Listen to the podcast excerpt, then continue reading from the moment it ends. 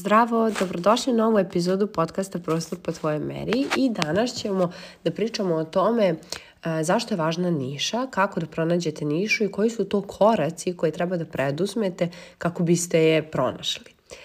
Niča je bitna iz razloga što želimo da se usko specijalizujemo za jednu stvar kako bi sama naša usluga bila još bolja, još kvalitetnija, kako bismo jednostavno pružili klijentu baš ono što mu u tom trenutku treba. Ja se često poredim arhitekte sa lekarima, znači arhitekta koji je za sve, koji sve radi, koji radi interijer, eksterijer, pejzažnu arhitekturu, projektovanje, legalizaciju, koji sve se sve radi je jednako lekaru opšte prakse. Bukvalno kao da sve zna, a opet ništa ne zna, kao da može da ti pomogne, u stvari ne može toliko da ti pomogne. Pogotovo ako imaš neki problem koji zahteva određeno znanje, znači usko specializovano znanje. Zato ne treba da vas plaši ta specijalizacija i to pronalaženje niše, pogotovo kada je era društvenih mreža u pitanju, zato što da, vi ćete možda dobijati ponude i za neke druge stvari, pitaće vas ljudi da li radite neke druge stvari, to ne znači da ćete vi njih odbijati, ne, nego znači da ćete primarno kreirati sadržaj i obraćati se ljudima sa kojima želite da radite u okviru vaše niše. Uh, zato ja uvek eto poredim, na primjer, ginekolog, oftalmolog, uh, endokrinolog, dermatolog, to su sve doktori, ali su specijalizovani za određenu vrstu problema, da li je to koža, da li je to štitna žlezda, da li je to uh, bilo šta, tako i mi u arhitekturi možemo da se specijalizujemo. Niša u niši bi bila kada biste imali u okviru, na primer, um, dermatologije da radite samo određeni deo. Ili kad biste imali u okviru enterijera da radite samo određenu vrstu enterijera, kao što ja, na primjer, radim. Ja radim uh, luksuzni parijski minimalizam i to je moja specijalnost, gde je fokus na funkcionalnosti i estetici u isto vreme. Znači, ni jedno ni drugo ne trpi, ali ja mislim da ne bih bila toliko dobra kada bi mi neko zatražio da mu, na primer, napravim uh, neki, na primjer, stan u maksimalizmu. Zato što to nije nešto za šta se ja primarno uh, trudim, radim, uh, specijalizujem, nego je to nešto što bih ja radila kao početnik. Jer ja verujem u minimalizam i u sve postulate minimalizma i onda kada bi mi neko tražio maksimalizam, to ne bi bilo nešto što ja verujem i ne verujem da, bi, da bih dobro to odradila. Tako da možete da imate i nišu u okviru niše. Uh, ono e, što je bitno da uradite pre nego što se, kažemo, odlučite da ćete da radite u nekoj niši, pogotovo ako niste sigurni koja je to vaša niša, postoje četiri koraka kako da je pronađete. Trebalo bi da popišete sve vaše veštine i strasti. Šta vi to volite da radite, u šta verujete, e, koja je vaša da kažem, neka uh, uh, strast koju baš jako želite, koju, koju uživate da radite kad vas neko angažuje. To može, na primjer, da bude da samo dekorišete tuđe stanove i prostore, da ih opremate. Znači, vi ne morate da projektujete i da radite potpuno arhitektonski posao. Može to da bude, na primjer, da se igrate sa osvetljenjem. Znam jednog momka koji je arhitekta, ali koji uživa u postavljanju osvetljenja u razne prostore i da se igra sa time u smislu uh, sa raznim renderima, sa raznim uh, uh, programima koji se bave osvetljenjem. Zašto da ne? Uh, istražite na internetu da li uopšte postoji nešto tako što biste vi radili.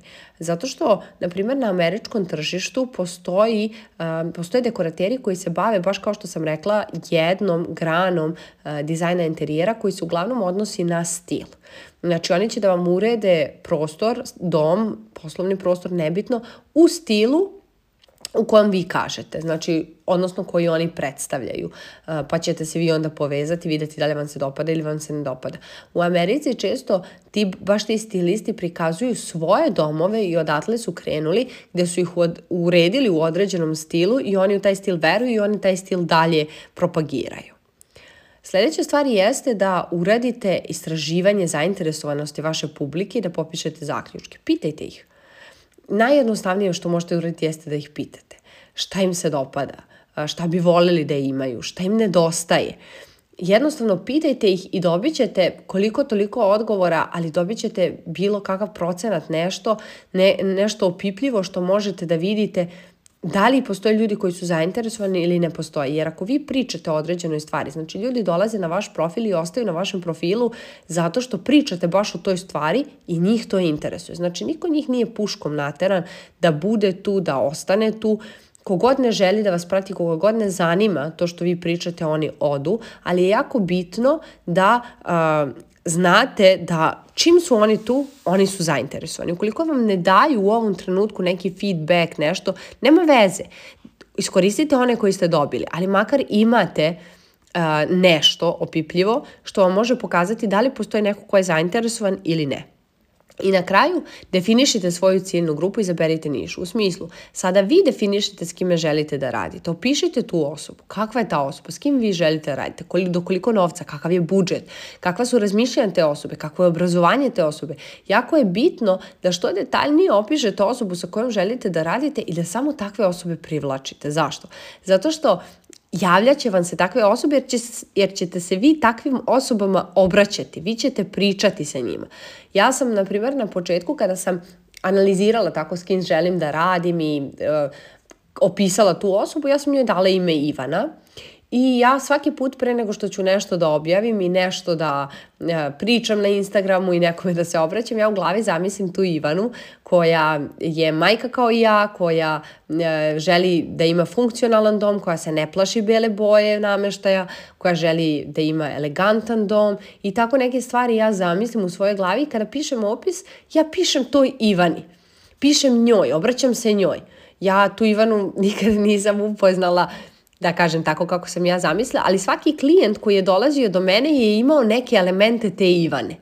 Znači, bukvalno, da li je imao obrazovanje i poglede na svet, da li je imao budžet i želje iste kao Ivana, da li je imao, znači uvek je nešto imao od te Ivane i ja sam se uvek njoj obraćala, tako i vi. Izaberite s kim želite da radite i bukvalno definišite kako izgleda ta osoba, kako je obrazovanje, šta ona želi od vas, kako će ona da dođe do vas, da li će ona da, da li njoj treba, na primjer, da li ona uopšte ima vremena da sedne i da čita vaše edukativne objave ili ona neko kome edukacija ne treba, nego treba samo da vidi kako vi radite, izvadi novac, plati i to je to. Znači, jako je bitno da to sve uradite i evo sad ću ponoviti sve čet, sva četiri koraka a to je da popišete koje su vaše veštine i strasti, da istražite na internetu da li uopšte postoji takvo nešto, da uredite istraživanje na vašim društvenim mrežama koliko je zainteresovana vaša publika i da popišete zaključke i na kraju da vi definišete vašu ciljnu grupu i izaberete nišu. I kada sve to uradite, kada vidite kako preklapanje imate, jedina stvar koju treba da uradite jeste da budete istrajni i da bukvalno uh, imate kontinuitet i da, i da taj kontinuitet vama dovodi klijente. Jer često će uh, da vas da vas neko, da kažem, neka više sila, Bogu, šta god da verujete, pokušat će da vas iskuša. Da li ste ozbiljni u vašim odlukama koje ste doneli? Ok, vi ste sad odlučili da li je to, da li je to to, kao to je to, a sad ću ja da ti napravim situaciju da vidim da li si ti stvarno ozbiljan u tim svojim odlukama. Tako da kontinuitet je bukvalno sve. A, to bi bilo to što se tiče ove epizode. Nadam se da ste uživali, a mi se čujemo u sledećoj epizodi. Ćao!